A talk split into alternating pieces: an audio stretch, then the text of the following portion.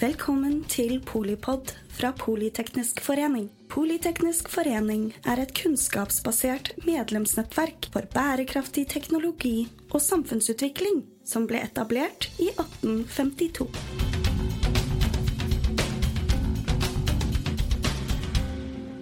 Velkommen eh, direkte fra Arendalsuka til eh, Polipod om eh, klima til havs. Vi har med oss senioranalytiker i Gard, Torleiv Grimsrud. Velkommen. Tusen takk. Hva burde vi snakke om, Torleiv, når vi snakker om politikk? Altså, Klima og klimarisiko er jo noe som, som legger farge på hele Arendalsuka. Mm. Og er et tema som blir stadig viktigere, og som er spesielt aktuelt i år. Så det er vanskelig å komme utenom det. Og så er det mye snakk. Eh, men jeg vet jo En ting er at vi har jobbet sammen tidligere, men jeg vet jo at du jobber jo med saken. Du gjør noe med det eh, hver dag. Ja. Eh, så jeg jobber jo med risikostyring eh, i eh, et av verdens største forsikringsselskap for eh, maritime næringer. Så det, det, gjør jo at vi Og vi ser jo det at det har vært et veldig stort fokus på, på klimarisiko fra stakeholders, på interessenter, på, fra alle kanter, egentlig. Eh, det som er interessant med, med klima også, er jo dette at det er et globalt problem, men, men også veldig aktuelt eh, lokalt. Ja, dessverre så ser vi jo mer og mer til det eh, overalt, egentlig. Og så er det jo spesielt med maritim næring, da. Og altså Gard er jo et Arendalsselskap. Men uh, hvor uh, dere er over hele verden? På alle de sju av, eller? Vi er over hele verden, så mer enn 50% av alle skip i verden har en eller annen forsikring gjennom oss. Så vi har en helt enorm uh, global rekkevidde. Og det er jo litt morsomt. da. Vi, er, vi ble startet i Arendal i 1907. Så jeg har vært i byen og her i området i veldig mange år. Holder deg bra, vil jeg si. Ja, det er, og vi har vokst veldig mye de siste årene, så det er, det er, veldig gøy. Og det er jo veldig gøy å kunne utfordre den globale, eller jobbe med den globale finans- og shippingnæringen fra, mm. fra bryggekanten i Arendal. Vi hører jo ofte at det på en måte ingenting eh, monner av det vi gjør her hjemme, fordi det er, det er så stor verden, og det er så store endringer. Men det er, eh, det er, også den der follow the money, og, og, og forsikring er jo ekstremt knyttet til eh, lønnsomhet da, for alle deres kunder, vil jeg tro. Absolutt. absolutt. Og det er jo vanskelig også med shipping generelt også. Nettopp den globale naturen som ligger i den internasjonale handelen eh, med flaggstater osv. Så, videre. så det, det, gjør jo, det, gjør jo, problemstillingen en, kanskje litt mer komplisert, men også enda mer interessant. Um, så det gjør jo at man det med follow the money og dette med å være altså rasjonelle aktører, da, altså med mye fokus på eh, lønnsomhet osv., det, det er jo veldig viktig. Hvordan uh, går du frem en uh, Fortell oss litt om en sånn ja, ideell aktør da, i, i maritim næring som, som, lykkes med å integrere klimarisiko i, i driften. Nei, du kan si, vi, jo, vi, er veldig heldige med at vi har veldig mange dyktige og flinke medlemmer. Vi er jo, en, en, vi er jo et gjensidig selskap, så vi har jo medlemmer eh, fremfor kunder i, i veldig stor grad.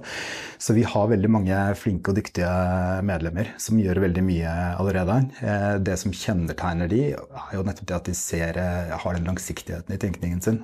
Dere er jo på alle de sju hav, og du jobber tett med veldig mange aktører på på konkret klimarisikohåndtering. Hva gjør de beste? De beste har satt seg veldig klare og ambisiøse klimamål langt, langt, eh, frem i tid. De er veldig langsiktige, og så har de konkrete mål der fremme.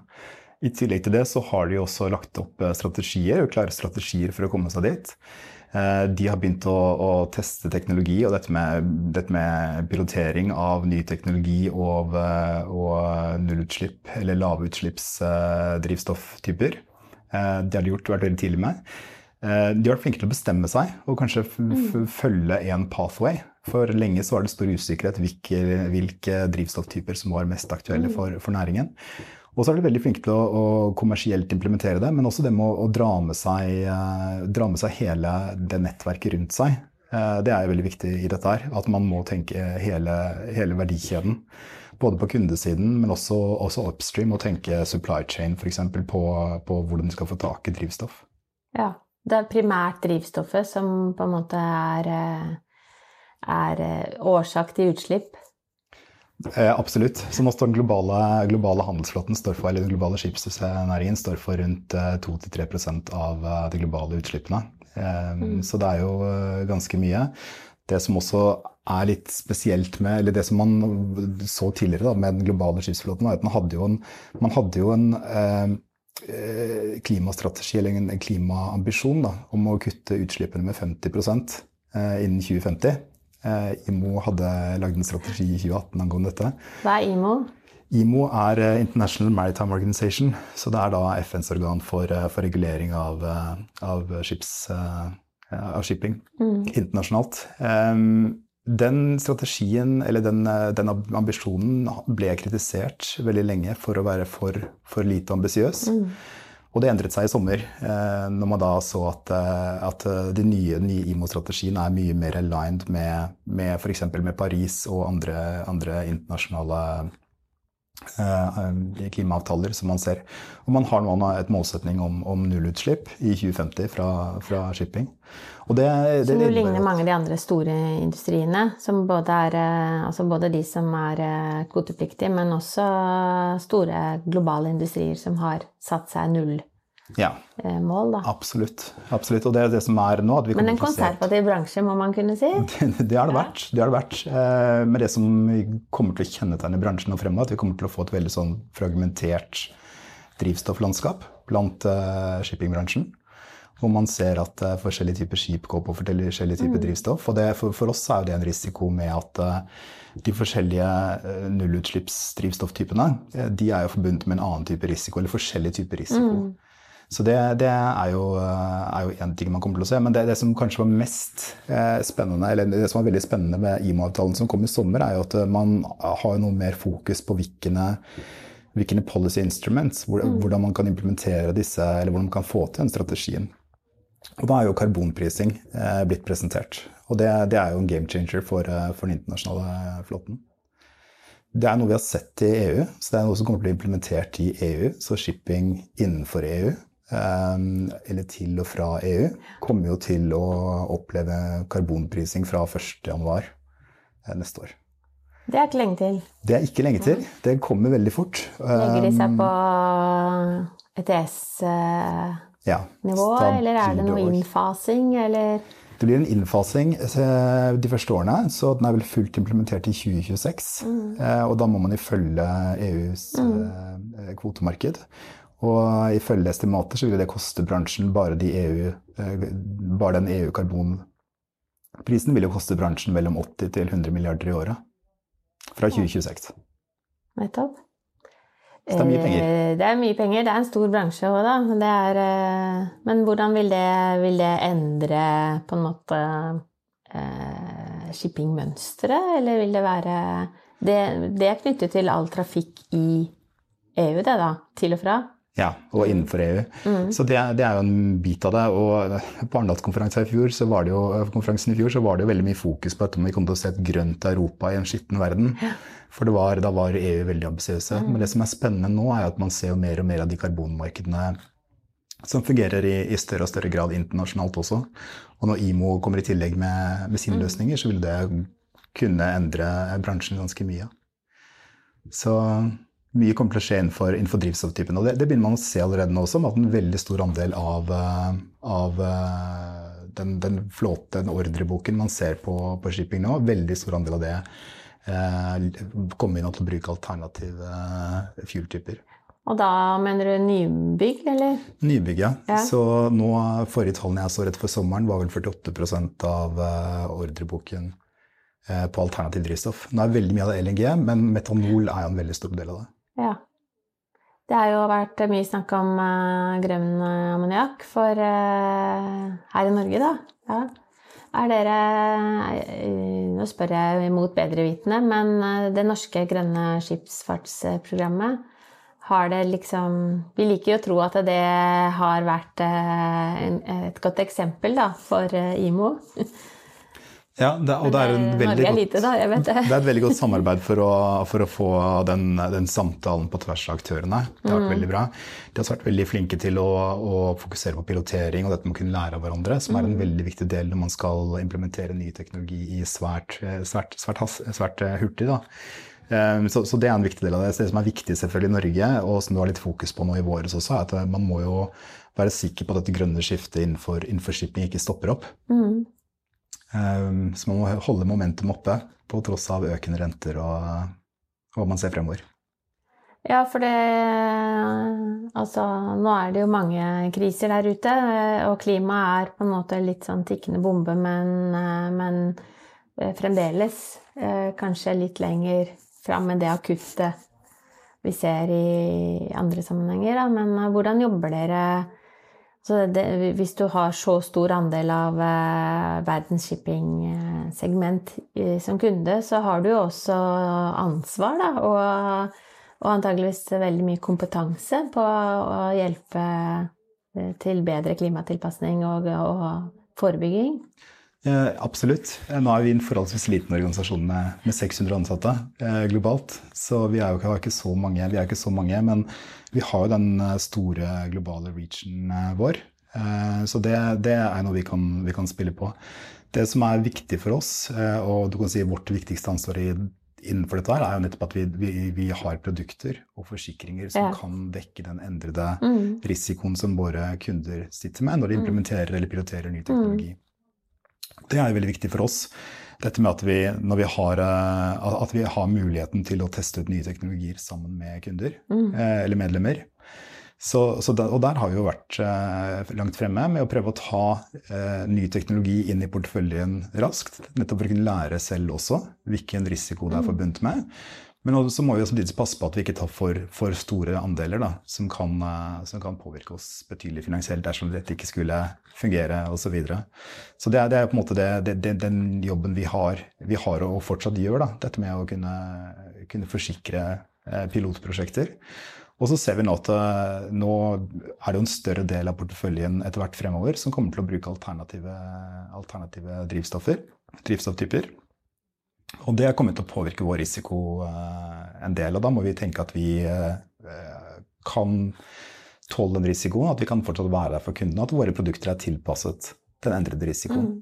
Eh, Det som er litt spesielt nå, eller når man ser på de nye drivstofftypene, så det klareste skiftet er jo nettopp det at man går fra mens tradisjonelt drivstoff typisk hadde store miljøkonsekvenser da, i forbindelse med oljesøl eller, eller lignende eh, ved havari osv., så, videre, så ser man jo at de nye drivstofftypene, der er jo, der er jo dette, med, dette med sikkerhet er jo betydelig mye viktigere. Eh, flere av de drivstofftypene er jo eh, veldig, eh, har, har veldig De har mulighet for å, for å eksplodere. Eh, I tillegg til det så er det også flere av de veldig giftige. Og det innebærer da en stor risiko for, eh, for mannskap, Mm. f.eks. Ja, nei, det er jo ikke en sånn Ja, endret eh, Det er jo eh, Og jeg tenker jo også at dere mm, er involvert i Fordi dere kan og vet så mye om, om skip, da, så, og egentlig det som skjer til havs, så kommer det opp nye industrier som også er en del, på en måte, en del av klimaløsningen, som ikke er eh, på transportbiten, men som er på energi eh. Altså ikke drivstoff til eh, transport, men, eh, men energi som sådan. Mm.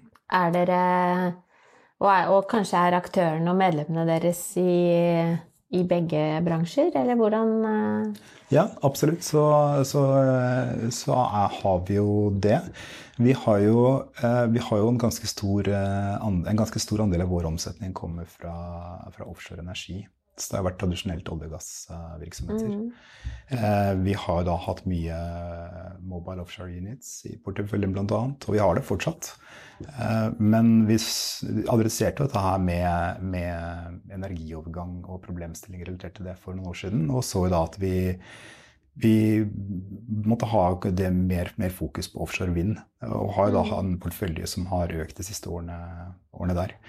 Det som er veldig interessant med offshore vind, er jo at eh, i hvert fall fra, fra mitt perspektiv som, som risikoanalytiker, er jo at eh, vi tar jo ned overgangsrisikoen ved å da sikre oss eh, at vi fortsatt er eksponert mot offshore energi ved å gå fra olje og gass til, til vind. Mm. Samtidig så er dette her stasjonære installasjoner som da er potensielt eksponert for, for mer ekstremvær. Som er en fysisk klimarisiko. Mm. Så det er jo en interessant problemstilling for oss hvordan vi veier opp de to. Og derfor har vi jo da også fokusert ekstra på, på sikkerhet og, risiko knyttet Mm. til eh, offshore vind da, de siste årene.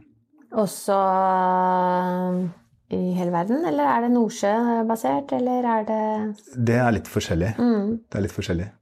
Mm. Og så er det Vi har jo øh, Det er mange hos oss som jobber med mm, både offshore vind og for så vidt CO2-transport og -lagring, som sikkert også Alt må jo forsikres. Ja. Det gjør det. Så du sitter litt med nøkkelen, da.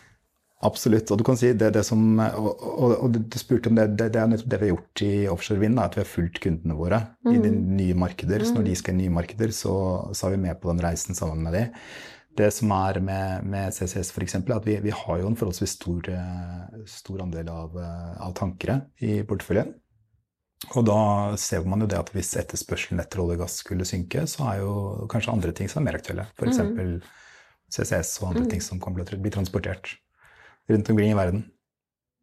Mm. Det er jo litt eh, early days, men det er jo samtidig litt høne og egget, da, i forhold til å, å kunne gå sikre på en måte forretningsmodeller. Så sitter dere veldig eh, sentralt i å, å skape forutsigbarhet hos både myndigheter og markeder. Så det er jo eh, interessant. Det er jo litt morsomt at dere er fra 1907, da. Politeknisk er fra 1852. Ja. Så eh, Og Sam Eide var liksom en av, var de store gutta i Politeknisk. Ja. Og Sam Eide viste jo kanskje hva man kunne få til ved hjelp av ny teknologi også. Det som er interessant med shippingbransjen også, er at eh, man snakker nå om en energiovergang og overgang til lavutslipp osv. Mm. Men shippingbransjen har vært gjennom det, gjennom det tidligere også. Mm. så man gikk fra seil til, eh, til damp, Ja. og så videre til heavy fuel oil osv. Så, videre. så man har jo klart det tidligere også. Eh, og eh, hvis man tenker de overgangene der, så er det ikke uten risiko de heller. Nei, Fra seil til kull osv. nei, selvfølgelig eh, ikke.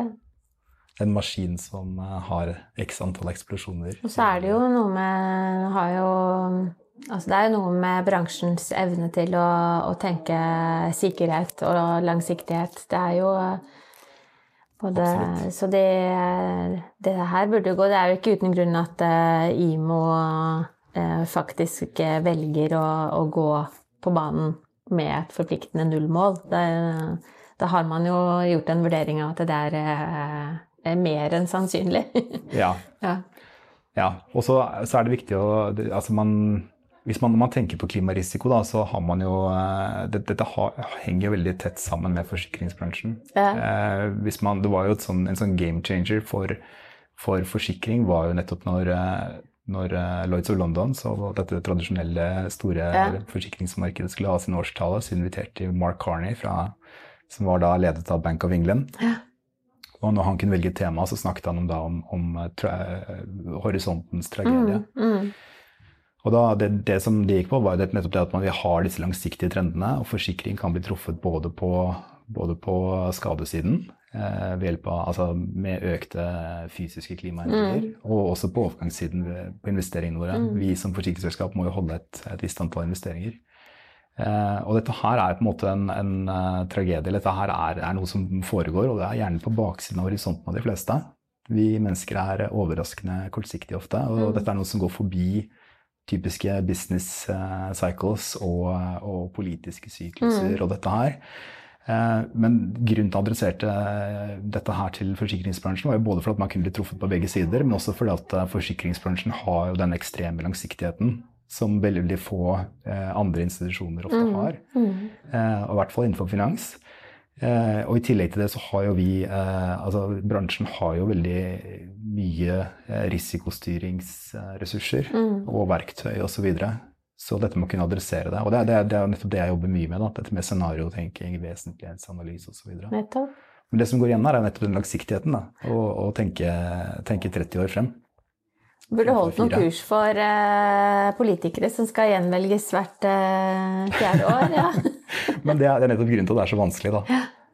Nei, det er jo iboende at det er uh, Altså, det å tenke generasjoner, det er eh, det er krevende når du skal velges eh, på en måte for et, noen få år.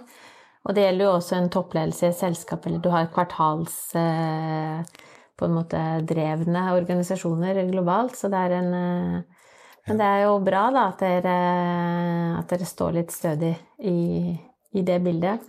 Ja, og det er viktig av den langsiktigheten eh, oppi dette her. Vi har et eh, eh, veldig oppegående studentnettverk. Eh, de eh, skal jo ikke bare redde verden, men ha interessante jobber og, og sånn. Hva tenker du, hva utdanner man seg til for å jobbe med klimarisiko og, og i et internasjonalt eh, marked? For det første så, så, vil jeg si at det, altså shippingbransjen generelt det skriker jo etter kompetanse. Mm. Så det er jo kjempeviktig det som, det som, skjer der. Så jeg tenker hvis man, er, hvis man ser etter en sikker jobb fremover, så er jo, er jo shipping en veldig spennende industri å jobbe i. Samtidig som det, så er det jo altså dette med klima og, og, bærekraft er noe som er ekstremt viktig. Eh, jeg tok jo selv en mastergrad i bærekraft for 15 år siden, og da var det knapt jobber etterpå. Eh, mens nå er det jo nesten umulig å få tak i folk med kompetanse og erfaring innenfor, eh, innenfor bærekraft.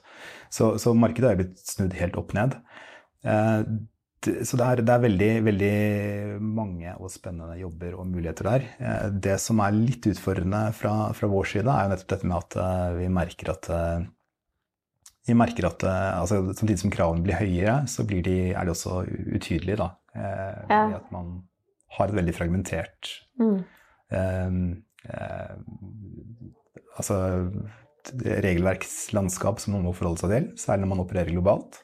Det er jo ikke kravene fra studentene som er Nei. fra de ansatte. Nei, det er, eh, det er jo fra myndighetshold, og, og, kanskje spesielt når det krever multinasjonalt uh, regelverk, da. Mm.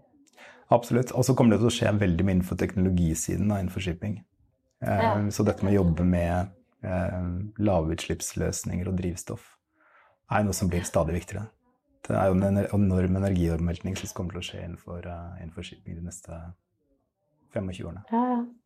Nei, det er jo å dra til sjøs blir eh, kanskje en, eh, For en ny betydning for et, et, et, nytt kull med unge kvinner og menn.